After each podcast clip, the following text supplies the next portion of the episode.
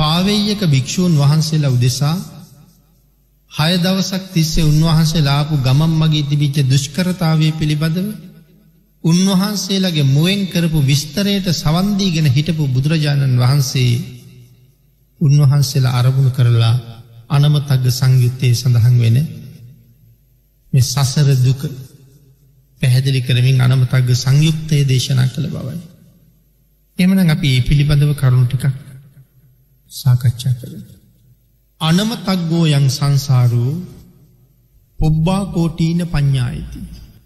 සංසාරය පෙර කෙරවලත් පසු කෙරවලත් දකිින්ට පුළුවන්කමක් නන්නේ. පෙර කෙරවල පසු කෙරවල දෙකම දකින්න බෑ. පාටද අපට. තැ භාගිතුන් හස මෙතන කොහොමද දේශනා කළේ අනම තක්ගෝයන් සංසාරෝ පුබ්බා කෝටීන පඤ්ඥායිති. එතකොට මේ භාගිතුන් වහන්සේටත් දකිින්ට බැරිද භාගිතුන් වහන්සේට දකින්න පුළුව. ඒකයි පුබ්බා කෝටීන පඤ්ඥා ඇති කියල දේශනා කළේ. මහනෙන පෙර කෙරවල පණවන්ඩ බෑ. තු භාගිතුන් වහසර දකින්න බෑනෙම. ඇයි ඒ පණවන්ඩ බෑ. පැනෙව්වට පින්නතිර අපිට තේරෙනවද. අපට තේරෙන්නේ නැත්තම් භාගිතුන් වහසර මේක පණවන්න බැරිකමක් නෑ. අපේ පිණිතුට අසංකයකීවට තේරෙනවාද. බණ අහලා දන්න හින්ද අපි කියනවා එකයි බින්දු එකසිය හතලිහයි කියලා. කාටද මේක තේරෙන්නේ. එකයි බින්දු හතක් ලියහම කෝටියයි. හව බින්දු කීපයක් ලියාගෙන යනකොට තව ටිකක් ගණන් ගැන කියන්න අපි දන්නවා. එකයි බින්දු විස්සක් විතර ලීවොත් කිය හැකි අපිට. එහෙම ගානක් වර්තමානය අපි පාවිච්චි කරන්නේ නැත්තං එකයි බින්ද එකසි හතලිහ කොහෙ තේරෙන්ට පෙන්නති. ඉතින් එතකොට මේ සංසාරය ගැන අපිට කිව්ව. අපි ඉපදි චාත්මටික ගැන අපිට කිව්ව. අසංක්‍ය කීයකින් කියන්න වෙයිද. නමුත් භාගිතුන් වහස එක දකින. භාගිතුන් වහසේ දකින දේ අපිට කියල දුන්නට අපිට තේරෙන්නේ. ඒකයි පුබ්බා කෝටීන පඤ්ඥායි. මේ භික්‍ෂූන් වහන්සේලා අරමුණු කරලා තමයි අනමතක්ග සංයුක්තය දේශනා කළේ මහනිනී. මේ දවස් හයේ ආපු ගමන ඔච්චර දුකයි කියලද කිය. ඇයි මහනිනී.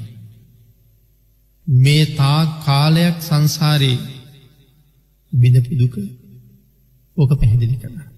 එහමන පිනතින අපි මෙතෙන්ට එකතු කරගමු අනමතක්ග සංයුක්තය දේශනා කරන්න හේතුවෙච්ච තවත් තැනක්. මේක දේශනාව එකම තැන කලා නෙමේන්නේ. තව නොෙක් තැන්ගොල මේ දේශනාව කරනවා. නොෙක් දෙනාට. අපි භාගිතන් වහස සැවැත්නූර ජේතවනාරාම වැඩඉන්න කාලි. මහා කරුණා සමාපත්තියෙන් ලෝක දහතුව බලා වදාරණ අවස්ථාවක භාගිතුන් හස දැක්ක මේ සැවැත්නුවර හිටපු එක කාන්තාව. ඇය බොහෝම දුකසේ තමයි ඉන්නේ. හැඩූ කඳලින් ඉන්න. ඇයි මේ තරන් දුකින් අඩමින් ඉන්නේ. තමන්ගේ ස්වාමයා මරණයට පත්වෙලා. ස්වාමයා මැරිච්ච දුක දරාගණ්ඩ බැරුවාන්නන්න. ඔබ භාගිතුන් වහසේ දන්නවා භාගිතුන් වහන්සේ මෙතෙන්ට වැඩියොත් ඇයට මේ ජීවිතයෙන් සෝවාන් වෙන්ඩ පින්තියෙනවා කියලා. එනං ඇයට උදව්වක් කරන එක හරි වටිව. මේ ජීවිතයේ ඇයට කරන්න තියෙන අති උතුම් ගනයේ උදව්වක් කියලා. මේ සංසාර ගමනි කාටවත් ඇය වෙනුවෙන් කරන්න බැරිවෙච්ච මහ ලොකුම පිහිට තමයි භාගිතුන් වහස වෙන්ඩ ලැස්තිය. ඒ නිසා බුදුරජාණන් වහස එහි වැඩිය. වැඩම කරලා ඇයත් එක්ක කරුණු කාරණා සාකච්ඡා කළා. මොක දඩන්න ස්වාමීණී මෙතෙක් කල් මාව පෝෂණය කළ මගේ ස්වාමයා මැරුණ. ඔහුගේ වියෝ දුක මට තාම දරාගන් දිවස ගණඩ බෑ. ඒ හින්ද අඩනෝ. මේ කරුණ ඇයට පැහැදිලි කරන්න අපේ බුදුරජාණන් වහන්සේ තවත් කතාවක් ගෙන හැර දැක්වා. ඒ ගෙනහැර දක්කොපු කතාව අපේ ධර්මය සඳහන් වෙන්නේ උබ්බරී පේතවත්වූ කියලා. අතීතයේ පංචාල රටේ හිටිය රජ කෙනෙක් චූලනී බ්‍රහ්මදත්ත කියලා. බ්‍රහ්මදත්ත රජ්ජුරුවෝ ඉතාමත්ම ධර්මිකයි. දසරාජ ධර්මයෙන් යුක්තවම රාජ්‍ය කරන. නමුත් රජ්ජුරූ රෑට වෙස් වලාගෙන තමන්ගේ රටේ ඒ තැන්වලේ විදින. ඇයි මේ මිනිස්සු නිදහසේ ජීවත්වෙනවද කියල බලන්ට. බය නැතුව ජීවත්වෙනවද කියල බලන්ට. සතුටින් ජීවත්වෙනවද කියල බලන්ට. රෑට ගෙවල්ල දොර වහන් නැතුව මිනිස්සු නිදාගන්නවද කියල බලට. දවල්ටත් ගෙවල්වල දොරවල් ඇරල තියෙද්දිම මිනිස්සු ගමන් බිමන් යනවද කියල බලන්න. ඇයි මේ රෑට දොරවල් වහන් නැද්ද කියල බලන්න. ඇයි දවල්ට දොරවල් ඇරල යනුවද කියල බලන්න. ඒ අයි ගෙන්නල දඩුවන් කරන්න. රටේ තවත් හොරු ඉන්නවද කියල බලන්න. මිනිස්සුන්ට සොර සතුරු බිය තියෙනවද කියල බලන්න. එහෙම තියෙනවනම් ඒ හොරු අල්ලල දඩුවන් කරන්නද නෑ. ඇයි හොරකං කරන්නේ කියලාහන්ට. හොරකං කරන්නේ ධනය නැතිහින්දන ධනය දෙන්ඩ. හොරකං කරන්න එපා.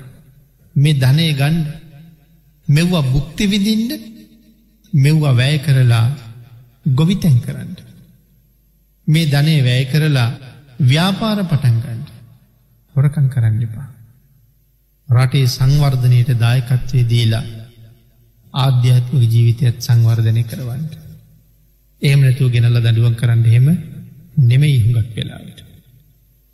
ආං ඒවාගේ දේවල් පරීක්ෂා කරන්න රජ්ජුරුව ඇතැම් දවස්වල රාජවේශය අත්හැරල දවස් ගණන් තැනත නැවිදින. මිනිස්සු කවරුවත් අඳුරන්නෑ මේ රජ්ජුරුව කියලා. කඩපිලට ගෙහිල්ල මිනිස්සු කතා කරන තැන ඉඳගෙන ඉන්නවා.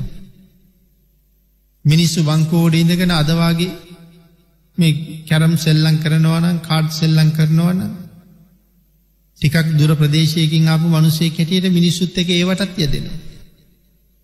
ඒ තැන්වල මිනිස්සු කතා වෙනවා රට ගැන්න රජු ගැන්න ඒ දේවල් හොඳට අහගන්න. රජ්ජුරුවන්ගේ අඩුපාඩු කතා වෙනවන ඒව මතක තියාගන්නවා මගේ මෙහෙම අඩුපාඩුවත් තියෙනවා හදා ගණ්ඩුවන. තැන්තැන්ගොල මිනිස්සුන්ට මෙහෙම කරදර තියෙනවා ඒ මිනිස්සුන්ට උදව් කරන්න ඕන. මේවාගේ දේවල් තමයි මේ හොයන්නේ. පංචාල රටේ නං ප්‍රෑට දොරවල් වහන් නැතුව මිනිස්සු නිදාගත්තා. ඒ කියන්නේ රජ්ජුරුවන්ගේ රාජ්‍ය පාලනයේ තරම්ම ධර්මිකයි.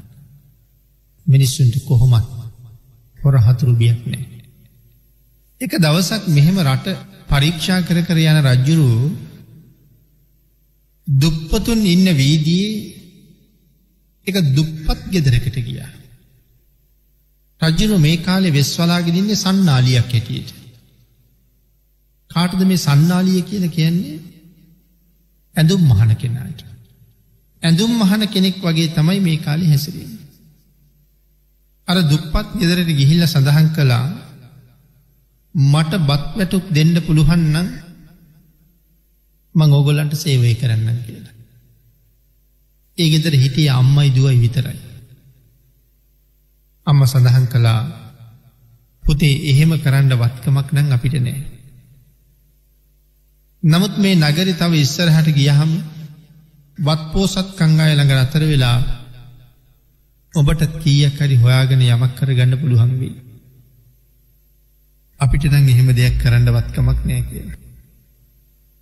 ඉට පස සඳහන් කලා එහෙනම් කමක් නෑ මට දවසක් දෙකක් මෙහි ඉන්ඩ දෙන්න පුළුහන්ද කියලෙහුව. ආයකට නම් කමක් නෑ ඇති. ඉට පස දවසත් දෙකක් ඉගෙදර නතර වුණා. නතර වෙන රජ්ජිරුවන්ගේ අර හොයා බලන කටයුතුටික රජ්ජිරෝ කරනවා. මේ ගෙදර ඉන්නවා මේ අම්මට බොහොම ලස්සන රූපයක් තියෙන හරි පුුණ්්‍යවන්ත දුව. එක දවසක් මේ සන්නාලිය අම්මට යෝජනාවක් කළා. දුව කාටවත් විවාහ කරලා දෙන්ඩ පොරොන්දු වෙලා නැත්තන් ඇය මට දෙන්න පුළුවන්ද. ඒ වෙනුවෙන් ජීවිත කාලෙම සලකණ්ඩ මමල ඇස්ති. කීව නෑ එහෙම තාම යෝජනාවක් නෑ. එම කැමැත්තක් ප්‍රකාශ කරල නෑ කාටව.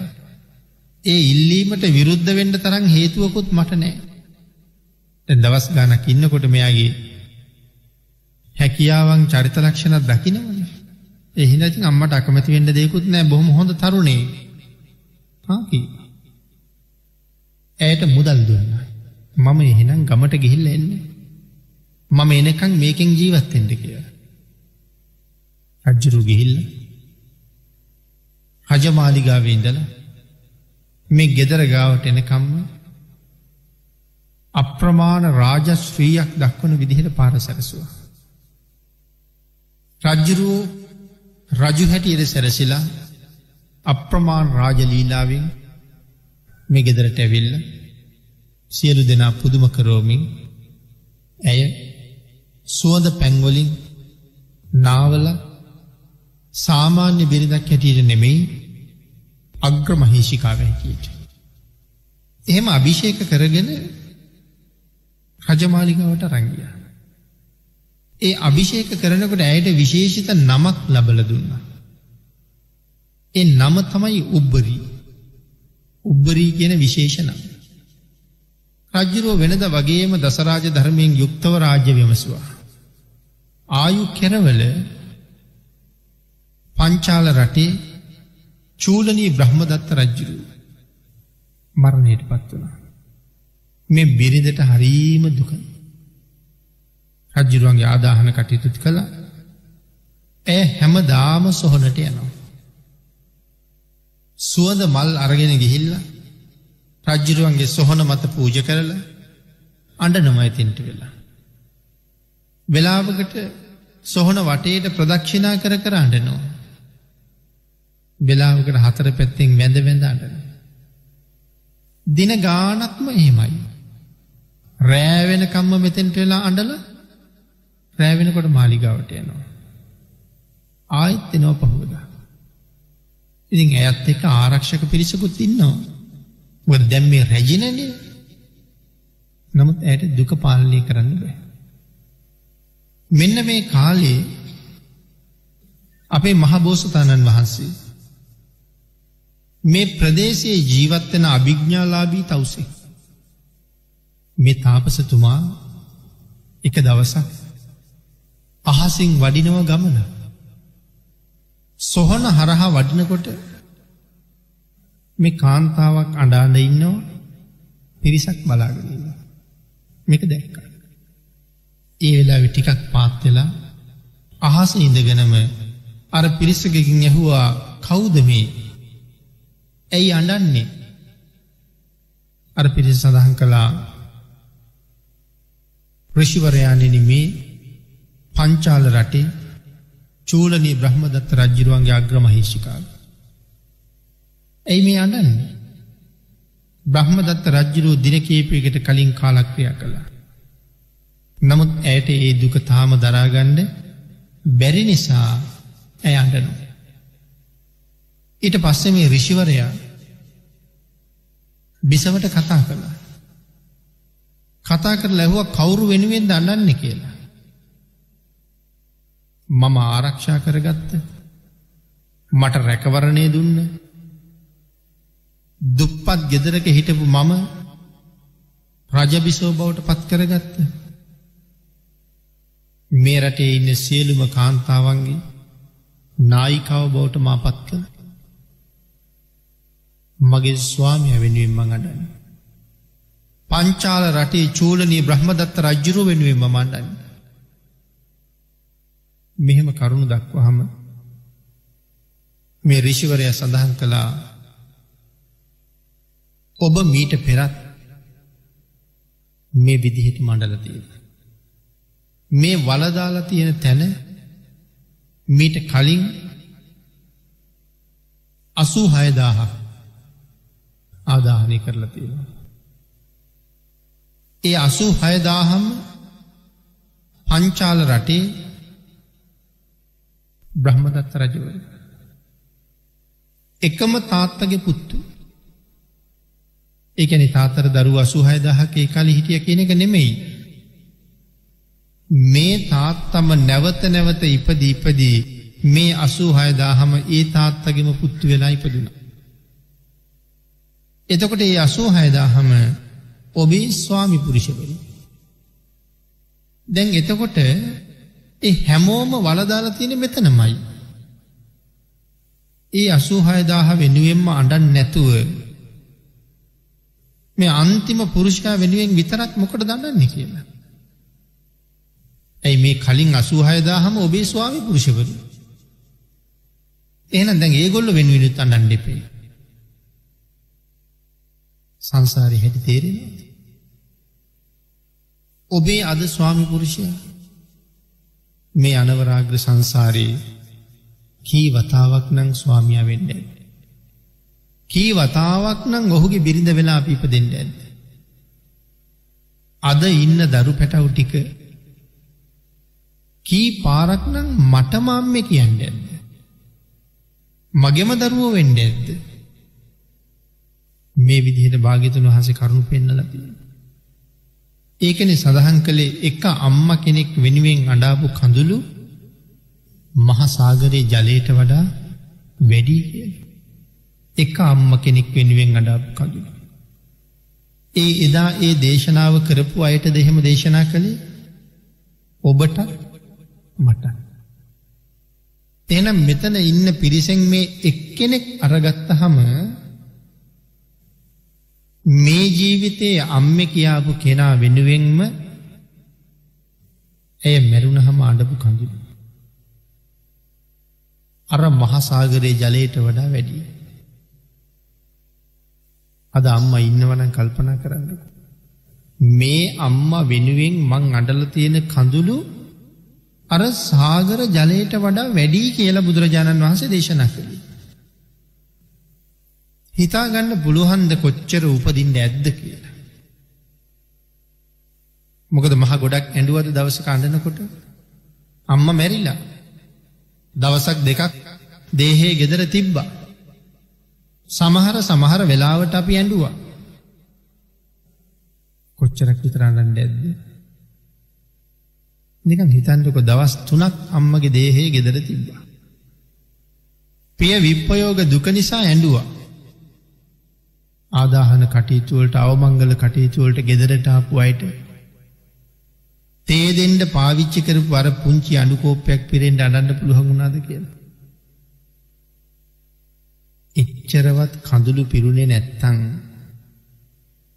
අර මහා සාගරයේ ජලකඳට වැඩිය කඳුළු සාගරයක් ඇතිවෙන්ඩ කී කාලාන්තරය කඩන්ඩ ඇත.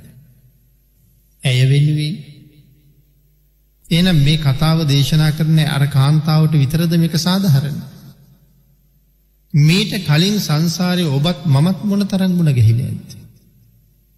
අපි මේ විදිහට මෙතනම ධර්ම සාකච්ඡා කරල ඇති ගණනින් ගණන් කරන බැරි තරම් පිනතු.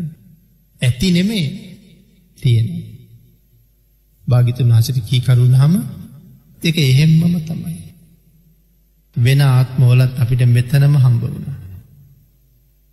අපිත් මෙතෙන්ටම ඇවිල්ල ඔය වාඩි වෙලා තියෙන කොට්ටේ එදත් ඔතනම තියාගෙන වාඩි වෙලා හිටපු තැන් වාර කෝටි ප්‍රකෝටි ගැනනින් සීමාවක් සීමාවක් නෑ. එහෙම ගමනක් මේ අදුරන්න තියයි නෙමෙයි මතක නැති හින්දමේ. එතරම් මේ සංසාරය දිගයි. හැබ ඉතින් දුක කියන්නේ තාම කලකිරීමක් නැති එක. එහෙම සංසාර ගැන. මේ අතරේ කොච්චර දුක්විදින්න ඇද. ඔය මනුස්ස වෙච්ච ආත්ම ගැන කතාව. ඊට වැඩි අපාය හිටිය සත්‍යමයි. එක ආත්මයක ඇටකෝටු සහිතව ඉපදෙනකොට ආත්ම සිය දස් ගරන් ඇටකෝටු නැතුව ඉපදුනා කියල කියන්නේ. ඌරෙක් වෙලා හරකෙක් වෙලා ඉපදුනත් ඇටකෝටු තිබුණන ඊට වැඩිය ලොකුයි පනුවෙක් වෙලා ඉපදිච්ච කාල. ඊට වඩා ලොකුයි කූම්බියෝවාගේ පනුවවාගේ ඇටකෝටු නැතුව ඉපදිච්ච කාල. එහෙනම් මේ සංසාරය කොච්චර දුකද. මේ සංසාරය කොච්චර භයානකද. එන භාගිතුන් වහස මේ කාරණාව දක්වනකොට මේ කරුණු පැහැදිලි කරන. අර කාන්තාවට සඳහන් කලා අසූහය දාහක්ම ස්වාමි පුරුෂෝ මැරිලා ඉන්නකොට ඒකෙන්නේ ඇයට අසූහාර්දාහද ස්වාමියෝ ඉඳල තියෙන්නේ. නෑ බ්‍රහ්මදත්ත නමින් චූලනී බ්‍රහ්මදත්ත නමින් අසූහයදාහක්. ඇයි මේ අන්තිම වෙනුවෙන් අඩන්න කියලා. හැබැයි ඒටික කියනකොට නං ඒ කාන්තාව ඇහුවා. ස්වාමීණි අසූ හයදාහක් වතාවේ මම ස්ත්‍රයක් වෙලාමද ඉපදුනේ කියලා. සඳහන් කළා ඊට වැඩී ඉපදුන. අසූහයදාහක් ආත්මවල ස්ත්‍රියක් වුණා මේ මැරිච්ච රජවරුන්ට බිසවක් වුණා.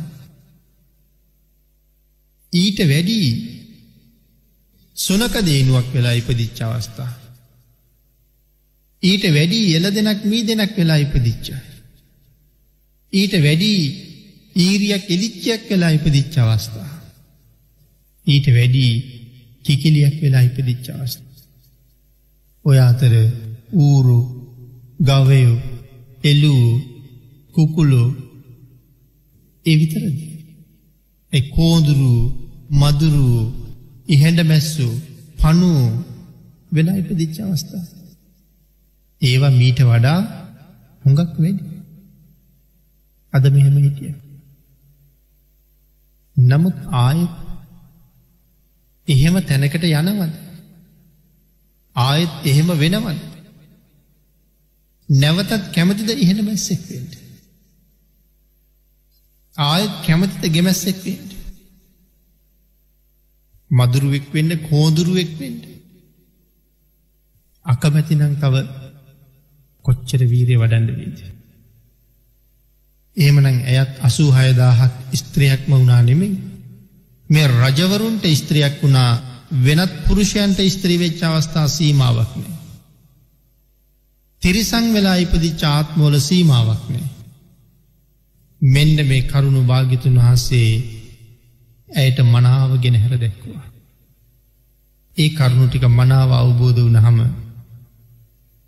ඇය සඳහන් කලා ස්වාමීණී මෙ දුකින් පිරිච්ච සංසාරෙන් එතරයන්ඩ මට මග කියල දෙන්න කියලා. ස්වාමීණි ඔබවහන්සගේ වචන ටික ගිනිගෙන දැවමින් තිබිච්ච මගේ හදවත නිමණ්ඩ වක්කරපු සිසිල් පැංවක් කිරුව වගේ. මම නිමිල ගියා ස්වාමීණී මේ සංසාරීච්චර භයනකද. මට සසරින් එතර යන්න මග කියන්න. මට ස්ත්‍රීත්තයෙන් මෙදෙන්ට මග කියන්න. ඒ කාලි පින්නතන විපස්සනාව නෑ. ඒගැන විදර්ශනා භාවනාව ඒ කාලේ ඒ කාලෙ නෑ මේ අබුද්ධෝත් පාද කාලයක්නේ. අබුද්ධෝත් පාද කාලවල විදර්ශනා භාවනාව නෑ. සමත භාවනාව තියෙන. භාවනාවේ විදර්ශනාව කියල කියන්නේ ලෞතුරා බුදුරජාණන් වහන්සේ විතරක් ලෝකයට මතු කරල දෙන සත්වයා ඒකාන්තයෙන්ම නිවනටම පමුණුවන අති සුවිශේෂී වූ භාවන ක්‍රමය. ඒක තියෙන බුද්ධෝත් පාද කාලවල. සමත භාවනාව ඒ ඕන කාලික ලෝකෙ තිබ්බා. එමනං මේ අභිග්ඥාලාබී රිෂිවරයා ඇය ගැන ආත්ම කෝටි ගානක් ආපහු දැකලයි මේ කියන්නේ. ඇයට කියල දුන්න මෛත්‍රී කර්මස්ථානය ප්‍රගුණ කරන්න. ඇය මෛත්‍රී කර්මස්ථානය හොඳට ප්‍රගුණ කරලා ස්ත්‍රීත්වය අතහැරලා බඹලෝ පත්තිය ලැබවා. ඇයි මෛත්‍රී භාවනාව අවසාන ආනිසන්සේ මොකක්ද. සිහි මුලාවීමක් නැතුව කළුරිය කළොත් බ්‍රහ්මලෝකූපගෝහොත් බඹලෝපදිනවා. ස්ත්‍රීත්වය අත්හැරල බඹලව ඉපදුනා කියල කිවී. බ්‍රහ්මලෝක ස්ත්‍රීන් නැතිහිද. බඹලව උපන්නනං පිරිමි බ්‍රහ්මයෙක් මිසක් ස්ත්‍රයක් නෙවේ. ස්ත්‍රීත්වය අතහැරලා බඹලොව ඉපදුනා කියල සඳහන් කළ එක. භාගිතන් වහසේ මේ කාරණාටික දේශනා කරහම් අර සැවත්නුවර ස්වාමයා වෙනුවෙන් දුකට පත්වෙලා හිටපු කාන්තාව සෝවන්වා. එතකොට උබ්බරී පේතවස්තුව ගෙනහැර දක්වන්නේ මෙදා ස්වාමයා මරණයට පත්වෙලා අඩාන්ඩ ඉන්න සැවැත්නුවර කාන්තාවකට. මේ කරුණු ටික ගෙන හැර දක්ව හම ඇය සෝවාං. ඇයට පිහිට වෙන්නන වැඩි. එතකොට භාගිතුන් වහසේ අනමතක්ද සංයුක්තය මේ කරුණු පදනම් කරගෙන දේශනක්කොට වදාලා. එතකොට අපි දැම් මෙතෙන්ට ආවේ උබ්බරී පේතවස්තුවට ආවේ කොත නින්ද. පාවෙයි එක භික්‍ෂූන් වහන්සේලා බුදුරජාණන් වහන්සේට සඳහන් කලා ස්වාමීනී අපි වස් වසාපු තැනයිදලා සැවැත් නුවරට එනකං මග විඳපු දුක. අන්න ඒ කාරණාවට භාගිතන් වහස දේශනා කලා මහනෙන ඕකත් දුකක්ද. ඇයි මතක නැද්ද මහනින්. සංසාරි විඳල තියෙන දුක් ඔයිට වඩා හරි බරපතලයි.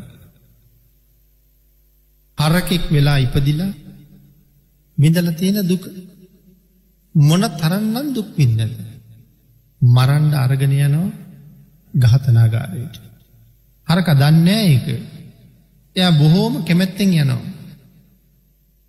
හැබැයිතින් ලංවෙන්ඩ ලංවෙන්ඩ නම් දන්නවා. සමහර ගවයෝ නං ගවයෝ මරණය ළඟටයිනි කොටත් දන්නවා. දැම් මෙයා ගහතනාගාරයේ ලංවෙන්ඩ ලංවෙන්ඩ මෙයාට ලේවල දුකඳ දැනෙන්ඩ දැනෙන්ඩ ඒ ගමනට කැමතිනේ. සමහර ගවයෝ ඒ හින්ද පාරය වැටිල නිදාගන්න පාරය වැටෙනවා. යන්න නෑ. ඒ යන් නැතිකොට ඒ මිනිස්සු මොකද කරන්න. සඳහන් කරනවා වලිග අල්ලලා කඩනවා කියලා. වේදනාව දරාගණ්ඩ බැරිහින්ද නැගිටලා ආයදුවන. තවටිකක් දුවල ආයෙත් වැටෙනවා. ඊට පස්සේ ආයෙත් කඩනවා. නමුත් ලංවෙන්ඩ ලංවෙන්ඩ කොහොමත් යන්නේ. දන්න ඔමනුවටද ගෙනියන්න කියලා. සඳහන් කරනවා ඒවාගේ වෙලාවට මේ පුළුවතු දල්වගෙන ඇවිල්ල පුච්චෙනවා කියලා. පණ පිටිම්ම පුච්චෙනවා. ඒ පිච්චීමේ දුක දරාගණ්ඩ බැරිහිද ආය නැගිට. එතකොට ආයිටිකක් ඇතිකෙන. සමහර වෙලාවට මේ උල් කරපු ආයුද ඇනගහල හදාගත්ත පොලු මේවාගේ දේවල්වලින් පහර දෙනවා. ඇන උල් ඇනෙනකොට දැනෙන වේදනාව දරන්න බැරුව ආයුදුවන. කෝම කොහොමරි ඝාතනා ගාරී ගාවට අරගෙන ගිහිල්ල බෙල්ලත් හොඳටම කෙටි කරලා බැඳල තියෙන. දැ මරණය දැක දැක දැනි දැනි මේ විඳින වේදනාව කොහොමද කියලා අපිට තේරෙන්නේ නෑ. අපි මේ කියන කතාව අහගෙන විතරයි.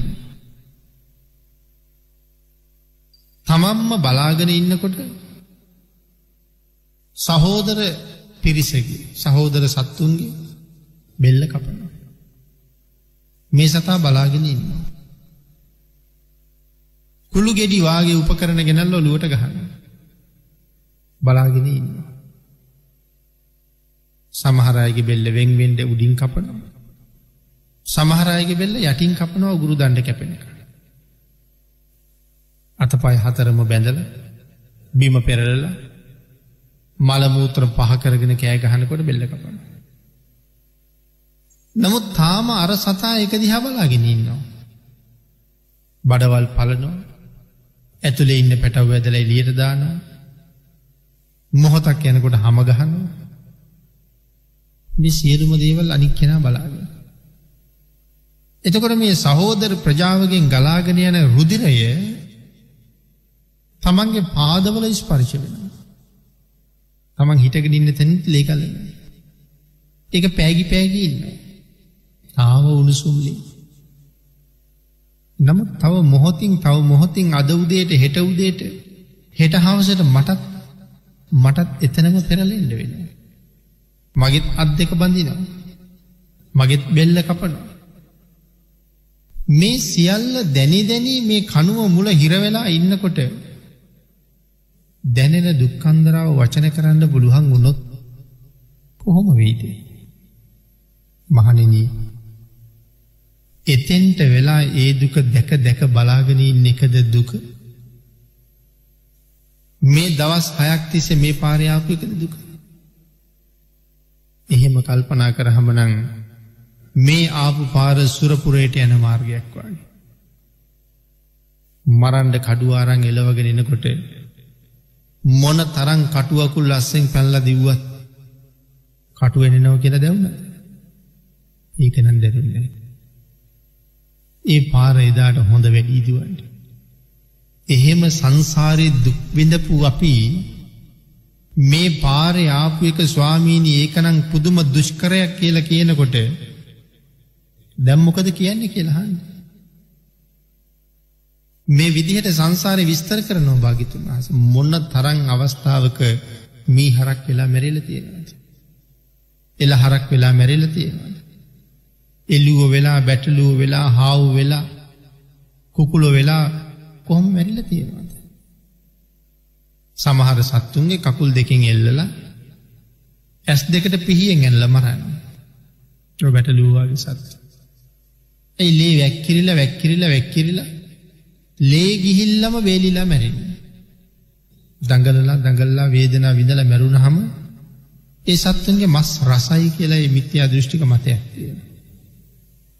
ඔය හාවෝවාගේ සත්තු පනපිටින් මයි හම ගන්න මරන්න නැතුව. හුගක්තැන්වල එකල තියෙන නේ දැති කර නොලකුව පුළුම් කොට්ටවාගේ හොද්දට කණ්ඩ බොන්්ඩ දීලා හදන මරන්න වෙච්චාම ලොරි පිටිං පටෝල බෙල්ල වටයට කපල අපි අර ටීෂර්ට් එකක් ගලවනවාගේ හමදී පන්නපිටි මේ කතාව අහගෙන ඉන්න ඔබත් දේශනා කරන මමත් කොයි තා කාලයක් ඔය දුක විඳල ඇද. ඒක නේද බුදුරජාණන් වහන්සේ සංසාරය දුකයි කියල දේශන කළ. ඔය බොහොම සීමිත ප්‍රමාණයක්. ඔයිට වඩා සංසාරය හරි භයානකයි. අතිශයිම්ම භයනක. අපේ ඇස් දෙක ඉස්සරහ පිට කොහොම වදදීල අපේ දරුව මරල ඇද්ද අපි බලාගෙනන්නකොට. ඒ වෙලාවට බෙල්ල කඩාගන්න පුළුවන්නම් බෙල්ල කඩාගන්නවා ඒක බලාගණ්ඩ බැරිහිද. නමුත් දැක දැක එහෙම ඕන තරන් ඕන තරන් මරලතිනවා අපෙන් පලිගණ්ඩ අපේ ඇස් ඉස්සරහපිට දරුව මරලතියෙනවා. අපි මරණ එක අපිට පහසු ඉවසන්ඩ නමුත් අර හුරතලයට අම්මි තාත්ති කියල කෑගහපු දරුව මුණුපුර ඇස් දෙක ඉස්සරහපිට මරණකොට ඒක බලන්නවේ. නමුත් සංසාරය ඕන තරන් එහෙම වෙලා. එතකොට මෙහෙම දුක්විඳපු එකද දුක මේ පාරයාපු එකද දුක. මාළු මරන්න ගියහම කොච්චර දුකයිද. විශාල මත්සයෝ අර ලොකු බිලි කටුවක් දාලා අල්ලගෙන නැවත් එක්ක බෝට්ටුවත් එක්ක ඇදගෙන යන්න තරම් හයියයි. නවත් කොහොම කොහොමරි ලංකරලා අරගෙන අර ගෝනි උත්සන්ඩහෙම අයින්ඩ තියන්නේ කොක්කක් හදලා. දිග හෙල්ලවල්ලෝට අගට ඒවාගේ කොක්කක් පාසලතිය. කිලෝ හැට හැත්තෑව බර විශාල මත්සු. තුන් හතර දෙනෙක් එකතු වෙලා අර කොක්ක තමයි හැම පැත්තෙම ගහන්න. ඉතින් පණ පිටිම්ම බඩ හිල්ලෙනවා පිට හිල්ලෙනවා. එහෙම තමයි හතර පස් දෙනෙක් එක තිලා උත්සලා ගන්න බෝට්ටුවට. එහෙම අරගෙන අර පොල්ලකින් ගහන ඔලුවට. ගහලා මරනවා. හිතන්නක ඒවාගේ අර කොක්ක අග සුදුම සුදු පාටයි මේ මාලුන්ටම ඇනල මැදිලා කළු පාට නෑ මල කරනෑ. ඉති ඒකක් දැක්ක වෙලාවක අපේ අයි හිතන්ඩකෝ ලනුවක ගැට ගහල මන්දිහට විසි කරලා දාලා ඇද්දුත් බඩ දිහන් පිට දිහන් පපුුව දිහන් මතුවෙන්නේ. මම කොහොම වේදනාවක් දරයිද කියලා. ඒවාගේ හතරක් පහක් හතක් අටක් අර මාළුවට ඇනල උත්සල ගන්නකොට. එතකොට ඒ දුක මේ සංසාරය කී කාලයක් විඳල ඇද්ද. ඒ දුක විඳිනවට වඩා මේ පාර එන්ඩ තිබ්බ එක සැපනැද. මේ කරුණු භාගිතුන් වහස දැක්වා. උන්වහසල තේරුම් ගත්ත සංසාරය කොච්චර දුකයිද කියලා. මේ තරම්ම දුකද සසර. මේ තරම්ම භයානකයිද සංසාරී. පිනතින රජ්ජුරුවෝ ඒ කාලේ දීපු දඩුවන් මනුස්ස ලෝකෙ පෙදිලා ඉන්න අයට. බාල පණ්ඩිත සූත්‍රයේ වගේ දේශනා විස්තර කරන තැන්වල පැහැදිලි කරන. මංහිතන අපි මේ කරුණු සාකච්ඡා කළා. පණ පිටිං උරපත්ත ගාවට එනකං පිච්චෙනකොට කොහොම ඉන්ඩ ඇද්ද කියන එකයි හිතා ගණඩ බෙල්ල. අනික් හරිය බැඳල තියෙනෙ දගලන්ඩ දුවන්ඩ මොකොත් බෑ. කාටවත් මෛත්‍රී සහගත සිත්නං උපදින්ට ඇත්ද. මොන තරං දවේශ සහගත සිත්ම උපදින්ට ඇත්ත. ඒ වෙලාවට දඩුවන් නියම කරපු රජ්ජරුව මුණ ගැහුණොත් එහෙම. අමු අමුයම හපහපා කණ්ඩ පුළුවන්. ඇති වෙන කේන්තිය. නමුත් මේ කේන්ති ඇත් එක මැරුණොත් එහෙම ඉපදෙන්න වෙන්නෙකු. එක්කො නිරේ නැත්තන් යකෙක් එහෙම නැත්තන් නයි එහෙම නැත්තම් පොළගේ කුණ කටුවේ ගෝනුස්සේ විස සහිත සතෙක් වෙලා තම ඉපදෙන්නේ. නිරේනූ පනිව. එහෙනම් මේ සංසාරය සාධාරණයක් ඇත්තෙම නැද. ඒකයි දේශනා කළේ මේ සංසාරෙන් කොහොම හරි කොහොම හරි පිටත් එෙන්ඩ උත්සාහ කරන්න. එගොඩ වෙන්ඩ උත්සාහ කරන්න කියලා. නමුත් ලේසිදේ ගොඩ වෙන එක. රැස්වෙන්නෙම කරුම රැස්වෙන්නෙම කරුම ඒකයි එගොඩ වෙන්න බැරි. දවසකට මොන තරං කරුම ප්‍රමාණයක් රැස් කරනවාද. මේක මහා සැඩ පහර. සසර දිහාටම තමයි අපි ගලන. සසර දිහාටම තමයි අපි ඇදෙන. සංසාර සාගරී පැත්තටම ඇදෙන. එහෙමනං සසර සාගරයේ පැත්තට ගලන රල පෙළ අභිභවනය කරලා විරුද්ධ අතර පී නැන්ඩුවන. සංසාරයෙන් ගොඩ යන්න පුළුවන් වෙන්නේ හෙම. විරුද්ධාතට පීනනවන අපි පිණිතු නිතන්ඩකු පල්ල හැට ගලන ගඟක මිනිහෙක් උඩුගම් බලා පීන්න. එක මොහොතක් කකුල් දෙකයි අත් දෙකයි පාවිචි කරන්න නැතුව එහෙමම ජලතලය මත නතර වුණොත් මොකද වෙන පල්ල හැට ගලන පල්ල හැට යන්න තැන් අපිට ඕන උඩහට යන්න. එක මොහොතක්වත් මේ ව්‍යයාමේ නතර කරන්න පුළුවන්ද? ඒ නතර කරහම අපරාධය අර වෙහෙසිච්චයකට මොකද වෙන්න? නිෂ්පල යාය හිටපු තැනටම ගිහිල්ලා. මේ සංසාරෙන් එගොඩ යන්ට පීනන එකත් එහෙම වැඩ ගත කරන නිස්කාරණ හැම මොහොතක්ම ආපහු මම අරගෙන යන පරණ තැනට. මෙච්චරකල් සංසාරි කඳුළු සාගර පුරෝපුරෝ එන්ඩ ඇත්තේ බෙල්ල කපාපුතැනින් ගලාගෙන ගියපු ලේ සාගර පුරෝපුරෝ එන්ඩ ඇත්තේ ඒක හින්ද නෙමෙයි දරන්න. පීනුවට පීනුවට ආයිත්‍යතනම නතර වෙලා ආයිත්‍යතෙන්ට. නැත්තං ඊට වඩා හුඟ පල්ල හැට. බොහෝම හොඳට ධර්මානුකූලව ප්‍රතිපත්ති පුරාගෙන ජීවත් වෙච්ච සමහර අය සමහර කාලික නතර වුණේ ඉතාමත්ම පල්ල හැතන. අපි කතා කරනවා මනුස්සය ගැන හිතා ගණ්ඩවත් බෑ. අපිට වඩා හුඟ ඉහලින් හිටපු කෙනෙක්. නමුත් ඉතින් මොනව කරන්නද සසර පව්ුවෙන්ඩ ඇති කෙළ කියලා පිණිකයි. බැරදි අය ආශ්‍රයට හම්බෙලා පල්ල හැටම ගලාගෙන ගිහිල්ල. ආං ඒකයි හැම වෙලාවිම කල්්‍යාන මිත්‍රය වැසුරු කරන්න කියල දේශනා කළ. පාප මිත්‍රයන්ගෙන් අත මිදෙන්ට මුත්සහ කරන්න කෙලකි. දෙන්නෙක් එකතුනානං යම් තැනක තියෙනවනන්ගේ දෙන්න අතර කතාවක් ධර්ම කතාවක් හැර වෙනනං කරන්න කතාවක් නෑ. එහෙම කතාවට වැටුනොත් ඒක ඕපාදූපයක් නෑ. ඒක හිස් වචනයක් සම්ප ප්‍රලාපයක්. සම්ප ප්‍රලාප ගෙරගෙන අකුසල්. ඒමනම් මටත් වැඩක් නැති ඔහුටත් වැඩක් නැති අන්‍යන්ටත් වැඩක් නැති නිකම්ම කතා කරනවට වඩා හොඳයි ආර්ය වූ නිශ්ශබ්දතාව ඔය කරුණු ටික ජීවිතයට එකතු වුණොත් මේ සමාජ පරිසරයේ මොන තරල් ලස්සන වීද